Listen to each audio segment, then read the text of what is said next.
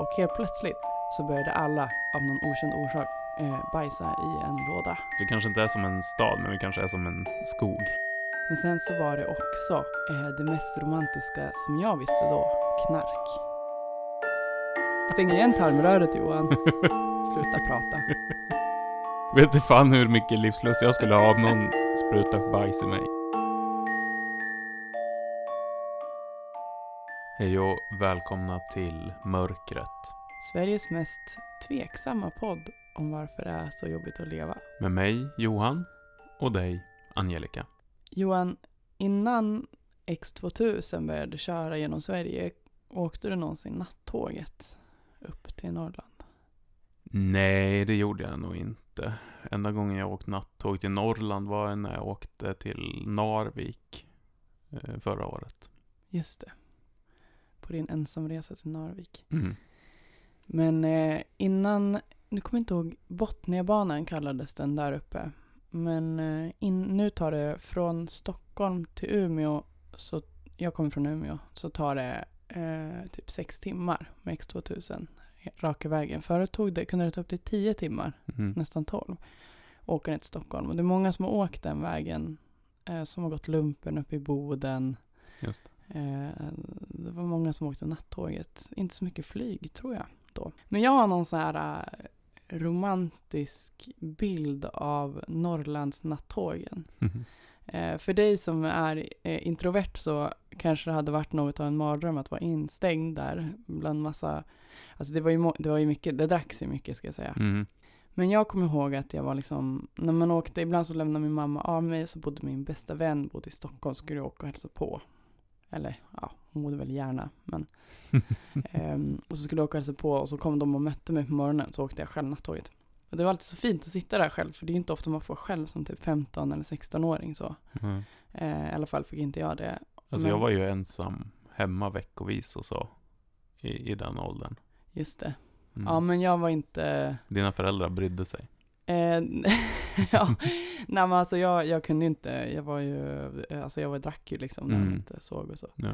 Strulade omkring och var ljög liksom. Mm. Rökte djävulens sallad. Mm.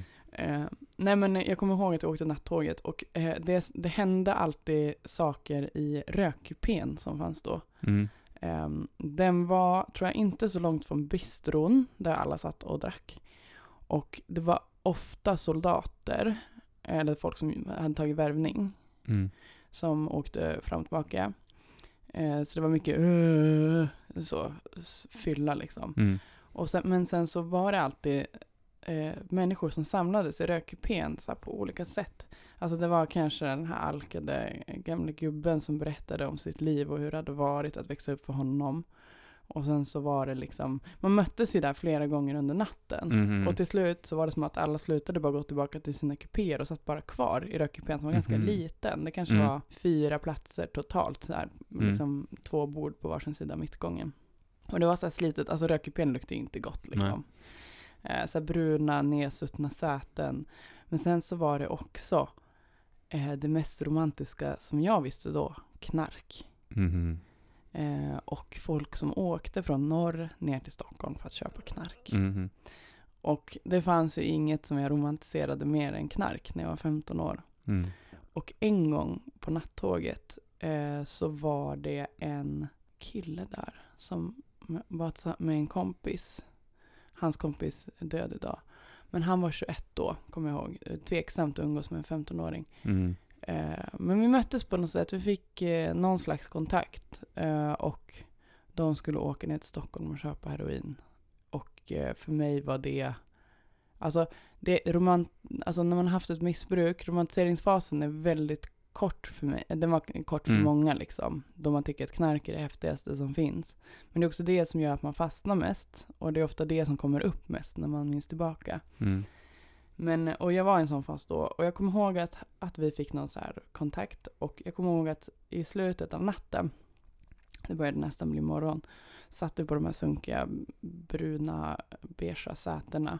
Rökte cigg efter cigg och det var bara så här torrt i munnen du vet. Och bara Ugh. Eller ja. Och så kommer jag ihåg att han la huvudet, sitt huvud i mitt knä. Och så grejade jag med hans hår liksom så här. Och så var han liksom det var också konstigt att någon som var liten i mitt... Att det, var, det var en väldigt speciell situation. Och det är det att, det här nattåget, det var liksom tiden en annan där. Mm.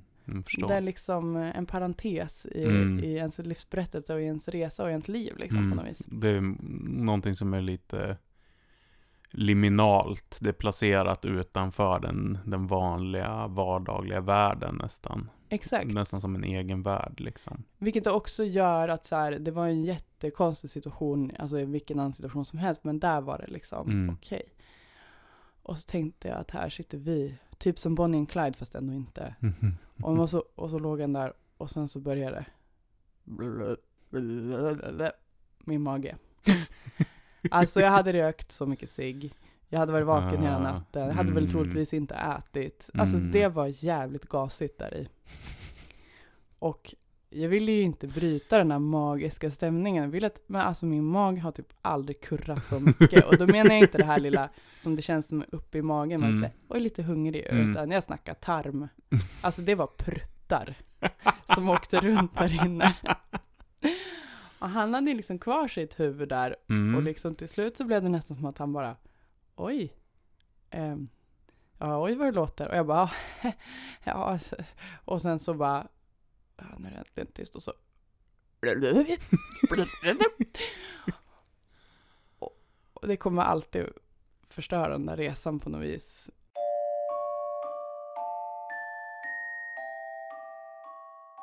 Vårt pinsamma tarmrör. Så säger de i en bok som jag har läst som heter Charmen med tarmen. eh, och jag tycker att jag har verkligen ett pinsamt tarmrör. Ja. Men tarmen är också helt fantastisk. Och jag vet att jag har försökt prata med, med dig om det här i några veckor nu. Ja. Du Och- brukar ju berätta om saker som står i skärmen med tarmen, för du...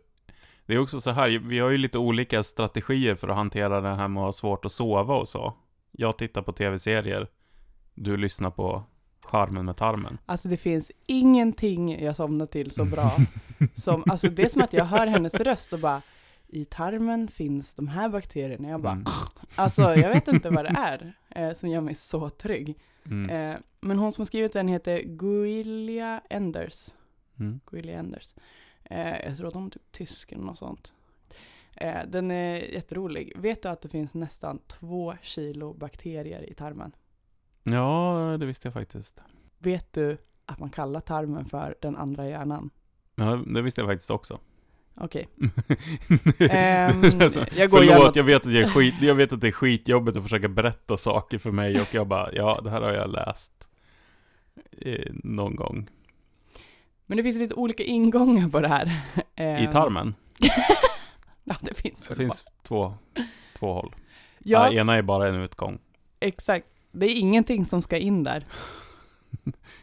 Precis. Det är ingenting som ska in där.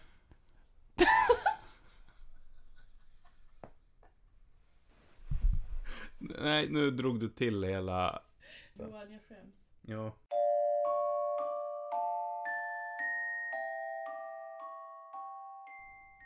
Mitt intresse för termen, alltså jag är ju alltid, alltså jag är ju känd som någon slags person med, alltså det är typ så här, vad tycker Ange- Angelica är roligt? Jo, bajs. Mm. Alltså, du var ju med i somras när jag fick den här gigantiska bajs-emojin som kan, som Ja. en sån här flyt, Uppblåsbar. uppblåsbar som man Mm. har när man badar. Det var ju dels som ett svar på att de som bor tvärs över sjön och har en sån här jättestor flamingo som folk började köpa i somras, där det kan sitta typ så här Ja. sex, åtta personer. Ja. De hade en sån utanför sin 18 miljoners lyxvilla på Mm. andra sidan sjön. Då köpte min syster en alltså enorm bajs-emoji. eh, men den var så stor så vi klarade inte av att blåsa upp den. Nej, inte ens jag med min enorma lungkapacitet orkade blåsa upp den där. Man behöver någon sorts pump för den, den där alltså. Precis. Men jag har så mycket bajs-merchandise hemma i alla fall. för att det är sånt som jag får i present. För det är så här, vad tycker Angelica är kul? Jo, Mm. bajs typ. Mm. Men eh, det kan ju folk tycka är lite barnsligt. Men Mm. eh, det är liksom ett väldigt underskattat organ. Tarmen. Mm. Mm. Mm. Den andra hjärnan.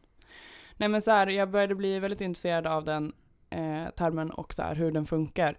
Dels så när jag föreläste om ADHD så fick jag ofta frågan om kost och tarmen.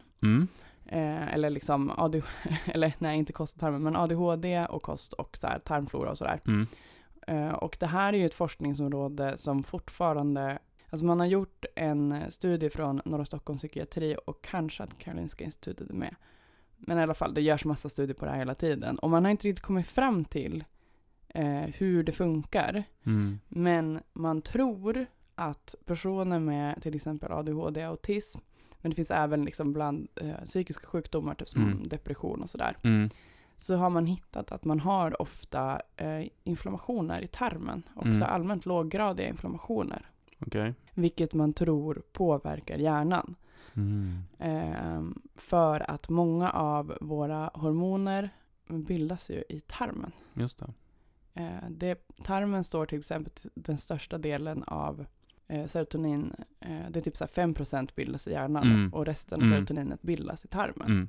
Och serotoninet är det här som, det är våran, vårat lycko, våran lyckokemikalie typ. Ja, eller det är väl endorfin, men, men Ja. serotonin gör att vi är nöjda. Det är väl det som Ja. gör att vi, ja men, att vi funkar, att vi inte är deprimerade. Typ. Ja, ja just det. Ehm, Men jag tänker, det kan man väl säga, eh, ett anledning till att man kallar tarmen för den andra hjärnan är just för att det finns ett väldigt avancerat liksom nervsystem mm, där. Och, där, och det är där som då nästan allt kroppens serotonin tillverkas och så. Och att det här nervsystemet eh, har man ju sett, om man skär av kopplingen till hjärnan från det här nervsystemet, liksom vagusnerven, så fortsätter det att jobba på autonomt liksom. Så det, okej. det är liksom inte bara en del av hjärnan. Eller så att säga, det är inte så att den bara styrs av hjärnan, utan den jobbar liksom på sig själv, om jag har fattat det här rätt. Mm. Ja men alltså jag kan tänka mig, för att när jag läste den här boken, Skärmen med tarmen, Mm. vilket är ett fantastiskt namn på en bok, men så, alltså det, det blir så, alltså jag, jag trodde jag visste liksom, men den förklarar mycket så här, ja men tarmen, vad gör man med den? Den är typ Mm. pinsam, man pruttar och bajsar typ. Ja, ja. Eh, våran pinsamma tarm, den har många bakterier men så här, Mm. Ja det är bra att äta bra mat, kostfiber är bra. Alltså det är Mhm. typ det man har vetat Mm. om fram till nu liksom. ja. Och att bara, men shit så här, ja men när inte magen mår bra så kanske det är så att psyket inte heller kan må riktigt bra. Mm. Och att vad vi äter och så här, hur våra gener och liksom påverkar mycket mer än vad vi tror. Mm. Och att det är mycket lättare att påverka bakterier som bildar liksom byggstenar som bildar signalsubstanser direkt i tarmen än vad det är till vår hjärna som är Ja, väldigt skyddad bakom Mm, hjärnblodbarriären och Just det. skallben. Alltså det är så himla skyddat liksom. Mm. Och så här vaktat av Mm. andra funktioner. Men så är det inte med tarmen. Mm. Också hur tarmen mår påverkar också alltså hela kroppen. Aha. För att så här, inflammationer och så här, giftiga ämnen kan också läcka ut väldigt lätt från Mm. tarmen. Mm. Men eh, det som var kul var att eh, jag har ju så många runt mig som har ADHD och helt plötsligt så började alla av någon okänd orsak eh, bajsa i en låda dagligen typ. och äta ett pulver med probiotika. Och det Mhm. var ju den här Bamba-studien Mhm. eh, som görs på Norra Stockholm, psykiatri i Stockholm. Mm. Och ehm, man tror ju då eh, att man ska finna det här sambandet mellan låggradiga inflammationer och tarmen eh, och med, eh, med ADHD. Mm. Och för att man hade gjort innan det här en studie i Finland som var jätteintressant. Eh, där man hade, nu ska jag säga här, forskarna hade följt upp 65 barn som deltog i en studie för mer än 13 år sedan. I den första studien delades barnens mammor som då var gravida in i två grupper. Ena fick tillskott av goda bakterier, antagligen probiotika då. Mhm. Ehm, och dessutom fick deras bebisar också tillskott under sina första sex levnadsmånader. Mm. Det här är ju inte en jättestor grupp ska man ju säga, så att bara för att det har visats i en studie så, men i den andra gruppen i alla fall, så fick både mammorna och bebisarna placebo. Mm. Och nu 13 år senare ehm, så undersöktes barnen och det visades att mammorna som hade ätit tillskott eh, och barnen som hade fått det här, inte en enda hade, fått, eh, hade utvecklat ADHD eller Aspergers syndrom, Mhm. autism. Mm. Och i den andra gruppen som inte fick några tillskott överhuvudtaget eh, var det 17,1% barn som visade symptom på ADHD eller Asperger. Det är, inte, Eh. det är inte en jättestor studie, men det är ändå ganska signifikanta resultat liksom. Ja, alltså det visar ju på någonting. Mm, Ehm, och eh, jag vet inte, jag, alltså, jag, nej, vad jag kan känna Alltså- med min ADHD, det är inte liksom, men ibland så är det så mycket som är stök i min kropp känner jag. Mm, mm. Alltså det är liksom grav så här PMS, PMDS, det är liksom koncentrationen, jag tycker att eh, jag tror mig veta att eh, serotoninet lätt får sig en törn. Mm, Och det, det känns ju inte helt omöjligt att det skulle bero på mm. den andra hjärnan, Ja, tarmen, Ja, precis. tarmröret, som börjar med munnen. Det är också jätteäckligt. Just det, ja, att vårt matsmältningssystem är ett rör som går rakt genom kroppen från munnen till anus. Ja. Ja, och det kan man ju tänka på. Munnen är ju bara första delen av eh, tarmröret, där Ja. den första, ne- eh, alltså vad heter det? Nedbrytningen. Ja, Ja. man börjar tugga. Ja, mm, mm, ja. ja, det kan man ju tänka på nästa gång man tar en liten nattmacka eller någonting. Då, då kan man tänka så här, behöver jag det här eller ska jag stänga igen tarmröret? Stäng igen tarmröret Johan. Sluta prata. Nej, nu, Ja. tycker jag, nu tycker jag du får ta och stänga igen tarmröret. Men det är intressant det här som du berättar. Jag har också, ska, jag har också hört från folk som har um, uh, olika autismdiagnoser och mycket inne i liksom, vad ska jag säga, autism och Aspi-världen att det är något som folk funderar över. Så här, varför har, ja vi alla har ju typ IBS eller andra liksom Mm. problem med matsmältning och så. Vad beror det på? Är det, ja, vad orsakar vad? Vad är korrelationen liksom? Men att, som jag fattar det så är det ingen som riktigt vet Nej. där idag. Men det är jätteintressant ju. Ja, för det är ju också så här, varför skulle inte två kilo Mm. bakterier som också står för den största liksom, Mm. typ så här, produktionen av ett av våra viktigaste hormon spela Mm. roll? Mm, precis. Nej, men jag tänker att det har att göra med nu, nu går jag in i min roll här som idéhistorikern och så, och filosofen och, och tänker att så här, ja men vi har i västerlandet en så här kroppssjälsdualism liksom, som har att göra med ja, den kartesiska synen på, på människan liksom, att Eh, vi är uppdelande i typ ett, ja, vi är ett medvetande eller en själ som har en kropp liksom, och så tänker man, har man sen tänkt att det här medvetandet sitter liksom i hjärnan eh, och sånt som rör vår personlighet eller vårt mående, liksom psykiska mående eller så, det måste ha liksom, det, det äger rum här i hjärnan och kan inte ha någon koppling till den här pinsamma liksom tarmen som ju bara är, ja, den här liksom pinsamma maskineriet vi har. Eh, protobajs-maskineriet. Och det är jätteintressant liksom. Att eh, kan det vara så att anledningen till att det är först idag som vi börjar fundera på de kopplingarna som eventuellt finns är just att vi har den här filosofiska synen på liksom eh, människan som, ja men just en, en själ som är väldigt frikopplad ifrån eh, den kropp vi, man tänker att vi är typ som en, eh, att, att vi har en kropp snarare än att vi är Mm. en kropp. Egentligen är du bara helt snedpruttad. ja. Eh, jag tänker också att det är väldigt intressant med de här bakterierna och så. Vi har ju som sagt ungefär två, två kilo bakterier i oss och ungefär hälften av vår avföring är ju eh, döda och levande bakterier liksom. Mm. Eh, alltså inte rester av sånt vi har ätit då, utan. Eh, men jag tänker också på att det finns ju fler bakterier i våra tarmsystem än vad det finns celler i hela våran kropp. Jag tror Mm. det är ungefär tio gånger så många bakterier liksom. Ja, det här tar ju den här boken också upp. Mm. Eh, så sjukt intressant. Ja, tarmens mikrobiota väger upp till två kilo som omfattar omkring 100 biljoner bakterier. Mm. Ett, I ett gram bajs finns fler bakterier än människor på jorden. Bakterierna utgör mer än 90% av alla tarmorganismer. Alla våra tarmbakterier tillsammans eh, har 150 gånger fler gener än en människa. Mm. Mm. Och då är det ju ändå ganska irrelevant att säga vad är en bakterie? Alltså, Ja. För det tänkte inte jag på. Alltså, du sa ju någon gång eh, att du tänker att du bara är en stad. Ja, just det. Att man i våra kroppar, det här är ju bara tarmen, sen i våra kroppar och så finns ju massa andra mikroorganismer av olika slag som lever i våra kroppar. Och just med, med tarmbakterierna och så är det ju inte bara så att vi, vi lever i, i fredlig samexistens så att säga, utan vi är ju faktiskt beroende av de här tarmbakterierna liksom för vår matsmältning och så. Men de är inte, om jag med mig, Johan Persson menar så här, de celler som delar min DNA, Mm. så är ju inte de här en del av mig på det sättet. Nej, bakterierna är ju egna små liv Mm. med e- en egen cell. Och Precis. ett eget syfte. Det är ju Precis. en besökare. Mm. Men den här lever ju i mig. Och överhuvudtaget i min kropp så finns det ju mycket, mycket fler, eh, så att säga, eh, varelser som inte delar min DNA, än de celler som delar eh, min DNA. Så egentligen borde jag ju tänka på mig själv som en samling av varelser. En stad liksom. Det kan man tänka på.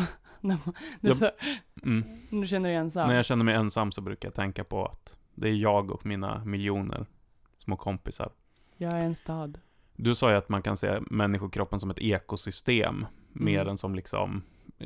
Det är också så här det här idéhistorien och så, och från upplysningstiden och så att vi har sett för att typ läkarvetenskapen, att vi börjar förstå människokroppen hänger också ihop med att vi får så här industrikapitalism, maskiner, eh, komplexa urverk och så, och man börjar se människokroppen som en maskin Mm. som består av olika eh, sammankopplade delar som kuggar i liksom ett maskineri. Mm. Medan eh, jag tyckte det var fint att du sa det, att man kan se kroppen som ett ekosystem mer. Mm. Att vi ser att våra kroppar inte riktigt är de här maskinerna, utan att vi kanske är mer som, Det ska kanske- vi kanske- på. ja precis, vi kanske inte är som en stad, men vi kanske är som en skog. Mm. Jo, men det tror jag. Eller det verkar så. Man brukar prata om typ så här vår bakteriefauna typ, eller bakterieflora. Bakterieflora säger man, det är jag som säger tarmfaunan. ja, alltså. Men eh, i, vid övervikt, näringsbrist, nervsjukdomar, depressioner och kron, kroniska tarmproblem så ser man ju att, alltså har man kollat på tarminnehållet, Mm. så har man ju förändrade bakterieförhållanden i tarmen. Mm. Alltså det är något som har gått snett hos de här eh, bakterierna som gör att det händer någonting. Sen vet man inte exakt. Mm. Men det finns ju vissa grejer, alltså till exempel om du är stressad, alltså det påverkar ju varandra. Mm. Och det är ju så här, alltså hjärnan bryr sig ju, alltså om du får serotonin till hjärnan, den Mm. bryr sig ju inte om det är, alltså det kan ju hur det bryts ner, men den bryr sig ju inte om det är från en tablett, från din tarm eller från din egen hypofys eller Mm, vart de nu mm. bildas. Mm. Det är det också som är så intressant.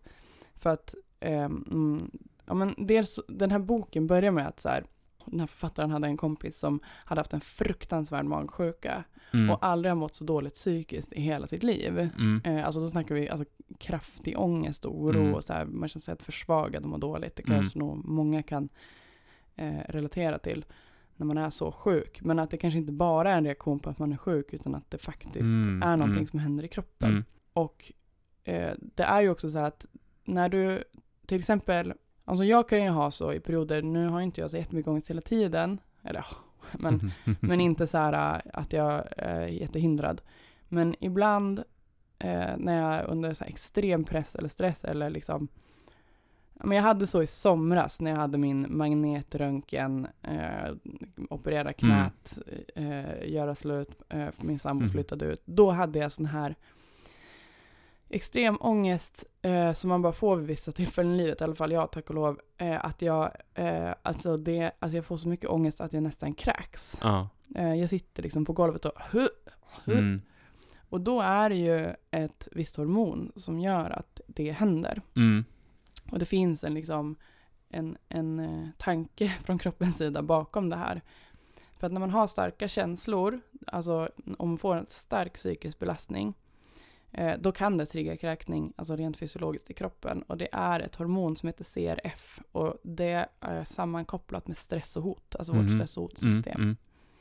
Eh, och i den här boken så beskriver de hur det skapas både i tarmen och i hjärnan och det här att kroppen bryr sig inte om vart ifrån Mm. CRF kommer. Mm. Det är där Mm. för att det ska vara där för att du behöver ta dig ifrån en psykiskt stressande situation Ja. till exempel. Just det. Och det, det som är liksom funktionen bakom det är att eh, kroppen försöker göra sig av med maginnehållet tror man Mm. För att här ska inte du ligga och jäsa och eh, liksom ha det mysigt med den här maten Mm. du just har ätit, utan du måste använda din energi här på att Ja. överleva. Just det. För det är just att mat, eh, matsmältningen är ju en av de liksom funktioner i kroppen som drar mest Mm. energi liksom. Vilket väl då är varför man, och, och också vad många vid stark rädsla och så bajsar på sig. Ja, För att man behöver tömma tarmarna bara. precis. Men framförallt det är maten som ligger i Mm, magsäcken, den behöver inte du. Nej. Så bara ut med den och sen fokusera på det du Mm. behöver göra. Mm. Och den här- Jätteintressant. Ja, och den här boken säger att så här, det är inget farligt, det är klart jättejobbigt att kräkas, Mm. speciellt om du kräks, kräks vid nervositet. Mm. Liksom. Men att det är egentligen bara matsmältningsslangen som vill hjälpa till. Just det. Det är din kropp som vill hjälpa till. Ja. Och sen så drar den här boken, det är så roligt för att det finns tydligen en fågel. Om, man har ångest så kan man tänka att det finns en slags stormfågel som har mycket mer ångest än vad du är. Den går omkring och är konstant nervös. Eh, De beskriver det här ingående i boken. Och när den blir så nervös och rädd och förskräckt av ett, an, ett rovdjur så Ja. bara kräks den. Så. Vilket gör att det luktar så fruktansvärt illa för den har något speciellt kräks. Vilket gör att rovdjuren bara, ooh, fuck this shit, och går därifrån. eh, och eh, den här boken säger så här, tänk så här att du ska bygga ett tryggt bo åt din inre stormfågel. Åh, vad fint. Jag tänker att det här med att kräkas på, på order kan vara ganska bra till exempel om, eh, om någon eh, kommer fram och raggar på en eller sådär. Mm. Att man bara släpper upp sitt maginnehåll, Ja, slipper störa På. människor. på den. Ja. Gud, jag- det är skö- skönt att ha en sån reflex. Alltså, det brukar du och jag prata om så här. Du brukar säga så här, ja, gud vad hemskt det måste vara att vara kvinna. Inte bara för att, alltså så här, förtrycket, Mhm. utan att folk pratar med en Ja. hela tiden. Att folk känner att de ska tillgång till en, även om man sitter med liksom hörlurar i kollektivtrafiken, så att folk tror att de har rätt att och liksom approchera en. Ja, och att man själv tror att man har en skyldighet att vara trevlig Mm. och rädda, alltså ansvara för situationen, när Ja. det inte är du som skapat den från första början mer Ja, än att du är precis. kvinna. Mm. Då vore det ju skönt att bara, eh, alltså så här, som, en li, alltså, som ett litet sprut så här, i munnen av galla så här, i den andras ansikte. Och så bara, ursäkta, det var min inre stormfågel som, Mm. Ja, jag kan inte då för det här. Det hade varit en, Det- fantastisk funktion. Det är, ett det är en reaktion när, när så här rovdjur kommer nära. Mm.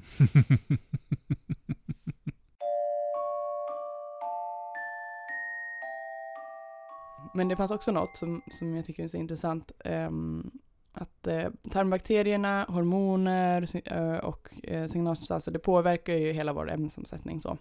När man tänker så att om balansen är rubbad, eh, jag kan läsa från boken, om balansen är rubbad och bakterierna är liksom så här kaxigt och i stort eh, antal vandrar in i tunntarmen så kallas det bacterial overgrowth, bakteriell, bakteriell överbefolkning.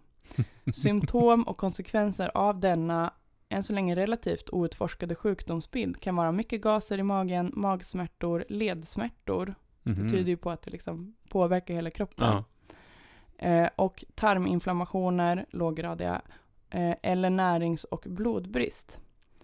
Eh, och jag tror att det är så ganska många som går omkring med just de symptomen. Mm. Och det är, så, det är så lätt att ta på sig foliehatten och bara allt är en låggradig tarminflammation. Mhm. Eh, men eh, jag tror att så här, det kommer visa sig att så många alltså, så här, sjukdomar som man inte riktigt vet vad det beror på, Mm. att det har sin början i Mm. tarmen och eh, låggradiga tarminflammationer. För det säger sig självt att gå omkring med en konstant inflammation där näring och så här, signalsubstanser ska bildas. Det är Just klart det. att det blir Mm. konstigt.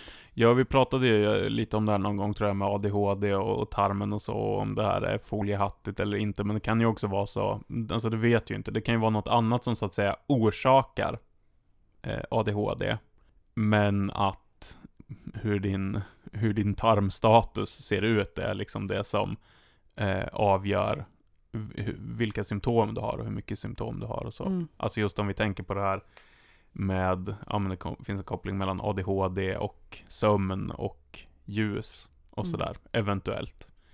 Eh, men det kanske är, är så jättekomplexa saker som, som samspelar liksom. Mm. Typ, om du har en grundläggande liksom eh, svaghet här, eller liksom en, en tendens till sådana här symptom, Mm. så kanske det är just ditt tarm, din tarmstatus som avgör Mm.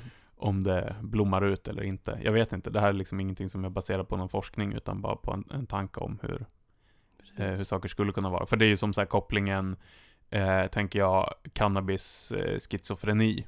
Mm.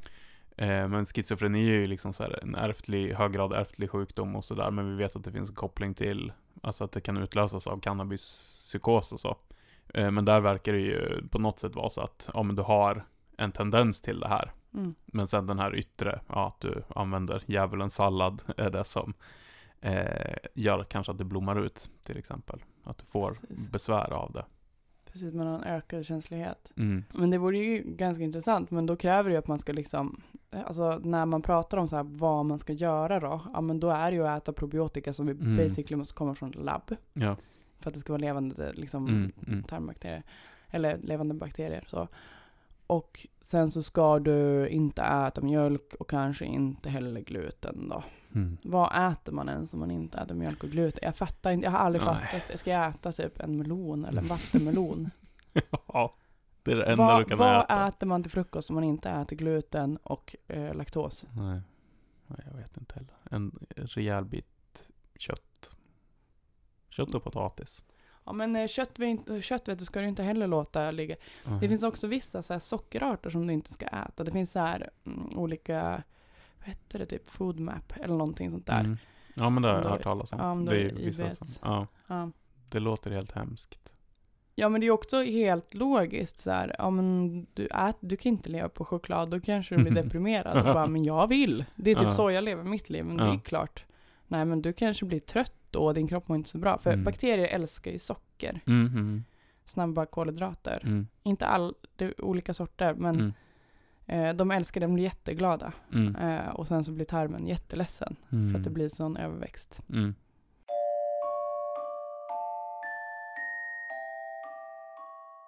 Men det finns ju också sån forskning i, nu för tiden som har börjat komma eh, där man har tagit, alltså man ger folk ett bajslavemang, typ. Mm. Alltså man tar avföring från en person med frisk tarmfauna och sprutar in en person med sjuk.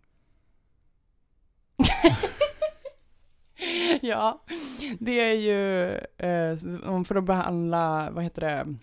Det finns, ju- det, det finns ju åt andra hållet också. Man har tagit typ från människor som har, är, är deprimerade, liksom Mm. gjort något med bajset, stoppat in Mm. det i typ någon råtta eller någonting. Och sett att råttan inte heller har någon livslust efter det. Ja. Eh, Fast det kan ju vara för att man, Vet du fan hur mycket livslust jag skulle ha om någon sprutar bajs i mig? Ja, alltså, herregud.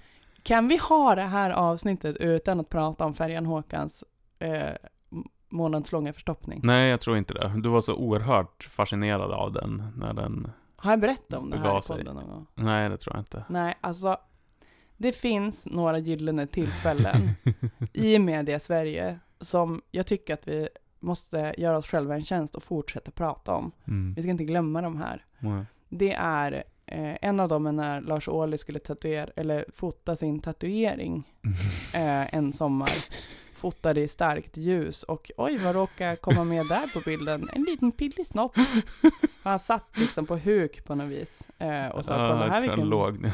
Sånt. Ja, det var mycket av Mm. paketet som vinkade fram, men det såg väl inte han. satt väl i dagsljus på någon filt i solen och Mm. bara, jag postar den här. Alltså förstår du det, att en före detta partiledare för Vänsterpartiet Ja. lägger ut en bild på sin snopp på Ja, Twitter och ja. inte vet om det? Ja, jag tror det var på Instagram. Just det, Instagram. det är som den här mardrömmen när man vaknar upp i skolan, eller Bara, bara, naken. ja, jag hänger byxor. Ja. Det har hänt Lars Ohly. ja, herregud. Gud, det är hemskt. Men, men det var ju en av de bästa sakerna som har hänt. Har du någon sån här mediehändelse som är den bästa? Oj. Eh, alltså, det var ju, det finns ju ett så här berömt klipp när, det var väl när, 94 när de hade spelat fotbolls-VM och kom hem och någon så tant, random tant lyckas ta sig in i tv-sändningen och låtsas vara en av spelarnas Mm. mamma. Nej. Fast det var hon ju inte alls. Hon var ju en jättegalen tant. Det klippet finns på YouTube, det är väldigt roligt. Det tycker jag också att vi aldrig ska glömma. Och sen tycker jag också att vi aldrig någonsin får glömma Macke ring åklagaren-klippet från Tunnelbanan TV-serien. Vad är det då? Ja, men det, jag kan nästan inte förklara det. Man får eh, gå in på YouTube och titta på Macke ring åklagaren. Men det är alltså en nyhets... Nej, det var inte en nyhetshändelse. Det var en sån dokusåpa-händelse. Ja. Mm. Men det det. Och sen så är det när eh, Marcus Birro och hans flickvän Jonna, jag, sam, fru var det, Mm. gjorde slut. Och det här är ju lite skvallris, men eh, de, de skilde sig och hon var skitsned på honom och sålde på Tradera sitt ett eh, målat av en konstnär, port, alltså bröllopsporträtt, fast en tavla, där hon hade slagit eh, ett, en knytnäve genom hans ansikte. För hon, hon var typ arg på honom för att han, det var någonting att hon gick med stor Mm. ekonomisk förlust. Mhm. eh, och var tvungen att sälja av massa grejer på Tradera och då gjorde Mm. hon så med den tavlan. ja, Slog ja. sönder den och bara, jag säljer den här. Var på Alex Schulman, eh, journalist och någon medprofil och hans, han gör en podcast eh, tillsammans med Sigge Eklund som heter Alex Sigge. Eh, varpå jag tror att de, hans kompisar gick ihop, för han har någon så här lång dispyt med honom, Mm. varpå de gick ihop och köpte den här tavlan till honom, varpå Alex Schulman la upp en bild och sa ko- på Instagram och skrev så här, det var liksom han längst fram och så tavlan i bakgrunden Mm. skrev han så här, kolla vilken snygg frisyr jag har idag och så var den bakom honom. Och de köpte den typ för så här 50 000 kronor.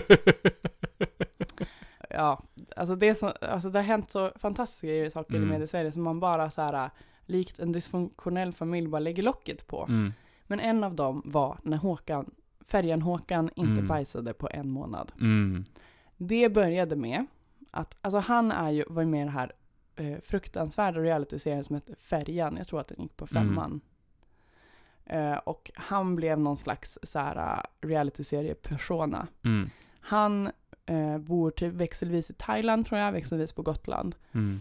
Och det började med att det började komma nyheter med en bild på han med extremt uppblåst så här ballongmage. Mm.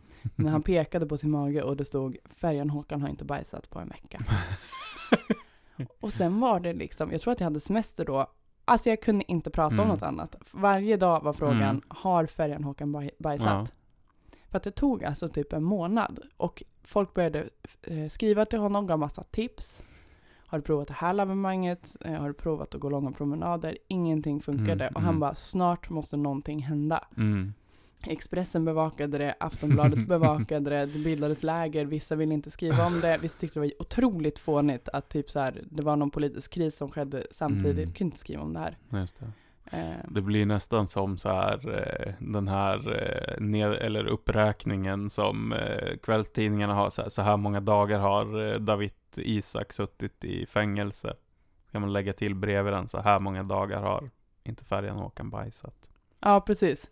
Mm. Men för att han fick också, alltså det var ju många som skrattade åt det här, Mm. så det blev också så här, det här är inte roligt. Det här är en medicinsk åkomma. ja, ja.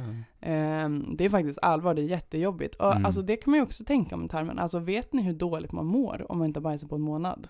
ja, jag kan för, föreställa mig. Ja, Håkan vet. Mm. För till slut så var det någon så här, ah, det, har det kommit något? Ah, det var någon korv men det var liksom, eller någon så här plupp. Alltså det var som inget. Eh, men det blev sånt eh, antiklimax på den här för att till slut så var liksom bara historien över och man fick anta att han hade bajsat för han ville inte vara med i den här mediekarusellen längre. Men eh, det var något så sista han sa var så här, det har löst sig nu. Ja, men färjan Håkan har väl kommit ut som någon sorts Sverigedemokrat nu och kompis med Jimmy Åkesson och så, så att jag, Mhm. jag unnar inte honom en välfungerande tarm. Men då längre. unnar jag honom att vi blåser nytt liv i den här Mm, storyn det. om Det tycker jag vi ska komma ihåg, att eh, färjan Håkan hade en eh, 15 minutes of fame mm, den månaden han inte bajsade. Men jag tänkte på det här med, eh, med dels med bajs och hur det påverkar oss. Eh, och dels med eh, det här med att det liksom bor massa varelser i oss. Som inte är liksom en del av v- vår kropp så att säga. Fast de är ju det på något sätt. De är inte en del av vårt DNA så. Men det finns ju eh, den här parasiten, eh, Toxoplasma gondii, eh, som har en levnadscykel där den förökar sig i katter. Så den vill komma in i katter liksom. Eh, men sen så rör den sig runt liksom, in i olika varelser. Eh, och jag vet att typ när råttor eh, får i sig eh, den här parasiten så blir de liksom mindre rädda för katter. Har man sett. Eh, de kan typ, ja men i princip trippa fram till en katt. För att den här parasiten påverkar deras hjärna. Det är väl ungefär så att mm, på jorden så är det ungefär så att 50% eller något sånt av oss människor har den här parasiten i oss. Ja, för det har väl funnits också så ganska starka uppfattningar om att så här, den kan få oss att ta fler risker, bli Ja. mer deprimerade. Mm. För det är någonting med den här som blockerar något så här må bra-hormon Mm. som Alltså den påverkar hur vi mår om du får en kraftig infektion. De flesta får liksom lite influensa typ. Mm. Men vissa blir ju riktigt sjuka och Ja. Eh, lite konstiga va? Ja, precis. Det finns en koppling på något sätt där också då till schizofreni till exempel. Ja precis, för det och, så, och psykiska sjukdomar. Och och man brukar ju säga att man tror att det kanske är så att toxoplasma ligger bakom den här eh, idén om eh, crazy cat ladies liksom. Alltså eh, personer, jag vet inte riktigt varför det är könat till crazy cat ladies, men liksom personer som blir lite knäppa och skaffar väldigt mycket katter. Det är också tydligen så att eh, man uppfattar doften av katturin eh, mer positivt om man är smittad av, av toxoplasma än, än annars. Så sjukt o... Alltså hemsk. Men det är jätteintressant tycker jag att det finns någon sorts konstig, liksom, att kanske ganska mycket av vårt beteende och människors mående och så påverkas av en så här parasit som i princip vill att vi ska dö, att vi ska skaffa massa katter och dö ensamma så att katterna kan äta våra ansikten typ, så att den hamnar i I katten. i, i kattens eh, tarmsystem där det är den förökar sig liksom. Det finns ju jättemånga sådana intressanta parasiter som får så här typ, ja men invaderar en myra, den, den liksom förökar sig i tarmsystemet på en ko, så då, men sen åker den ut med bajset och sen hamnar den i en myra och då får den myran att, den styr liksom myran till att gå längst upp och sätta sig på ett grässtrå så att den ska bli uppäten av en ko. Alltså helt sjukt. Ja. Men för eh, med toxoplasma, den, den är ju typ, det är väl därför man säger att gravida inte ska eh, rengöra kattlådorna. För den Mm, ligger mm. I en liten kattkorv Ja. eh, i två dygn. Sen är den liksom helt färdig för att gå över till Mm. liksom någon värld. Men den gör ju saker med oss, det Ja. kan man ju säga. Eh, den påverkar oss, det finns Mm. jättemycket forskning som visar Mm. det. Sen om det är liksom hur mycket och Mm. på vilket sätt. Men Mm. när, man, när det kommer till schizofreni, eh, så det är ju en sjukdom, en psykisk sjukdom där de flesta symptomen, alltså det handlar ju om hur vi bearbetar sinnesintryck. Mm. Alltså man har eh, känselhallucinationer, det känns som att något kryper på dig, du hör eh, saker, ser saker på, på ett annat sätt. Ofta så behöver det inte vara liksom rena hallucinationer utan det kan vara bara Mm. rent att du inte kan sortera i Ja. Just det. Och att det blir verkligt hemskt att Mm. vara Mm. ute. Typ Mm. mellan en halv och en procent av alla människor är schizofrena. Och i den här boken pratar de om det, och, eh, skärmen med tarmen och om Mhm. Toxoplasma och schizofreni. Mm. För att varför man får det och sjukdomsbilden är ganska oklar. Mm. Och de flesta mediciner som man får fungerar ju någorlunda. Det liksom försöker dämpa dopaminet, Mhm. eh, vår, eh, vår signalsubstans som gör att vi blir nyfikna och tillfredsställda och sådär. Mm. Och så här, toxoplasma har gener som lägger sig i dopamintillverkningen i hjärnan. Eh, och det är inte som att alla som insjuknar i schizofreni bär på den här parasiten. Men eh, bland de drabbade så har man sett att det finns dubbelt så många toxoplasmabärare som, eh, alltså, än Mm. hos andra. Mm. Eh, teoretiskt sett så kan den här påverka eh, oss liksom i vårt fruktans-, lukt och beteendecentrum i hjärnan. Och att det gör att man har större sannolikhet för olyckor, självmordsförsök och schizofreni, att det Mm. påverkar det. Man tror att så här, äh, i boken så står det så här, toxoplasma kan påverka oss mer än vad vi trodde för bara några år sedan och har därmed inlett en ny epok. En epok under vilken till och med en banal kattbajskorv kan visa eh, vad det är som är med och bestämmer i våra liv. Mm. Alltså vad är det Ja. egentligen i mig som bestämmer? Just det. Och här tycker jag ju, här tycker, nu kommer jag in som liksom den här eh, humanisten och idéhistorikern och, och eh, samhällsvetaren eller något sånt liksom och, och tycker att det är så jäkla intressant det här med att man har ju tittat på eh, många som har schizofreni har hörselhallucinationer utav röster. Och det verkar som att vad de här rösterna säger eh, skiljer sig väldigt åt mellan olika kulturer. Mm. I, man har tittat på nordamerikanska, eh, på personer med schizofreni där, och där är det ofta eh, väldigt aggressiva och skrämmande budskap och så. Medan man har tittat på personer med schizofreni i eh, Afrika och Indien, och där är det ofta mycket mer positiva röster.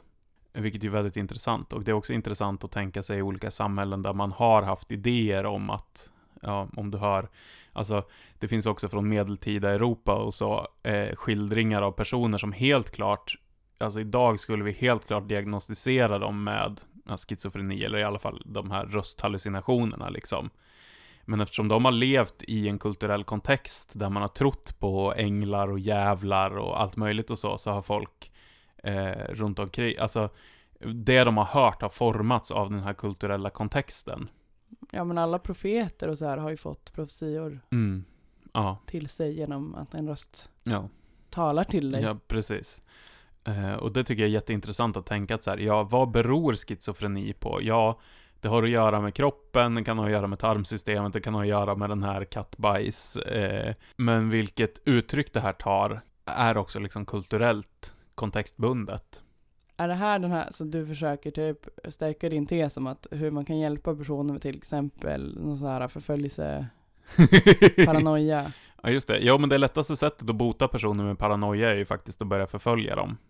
Mm, För- Därför att då är de ju eh, definitionsmässigt inte psykiskt sjuka längre, ifall de tror att de är förföljda och är det. Det här är en, en banbrytande form av behandling. Hur skulle man kunna hjälpa någon med ADHD då, med din, den tesen? Men det går ju inte. Jo, du får ju bara bombardera dem med intryck och säga, ja men, nej för sig, så är det ju redan. Mm, exakt. Ja, det handlar väl om anpassning i sådana fall. Anpassa verkligheten utifrån folks vanföreställningar. Men ADHD är ju inte en vanföreställning på det här sättet. Nej. Men det värsta, det värsta man ska, alltså jag tycker, alltså det finns ju såna här schizofreni-simuleringar om hur det är att Ja. leva med schizofreni.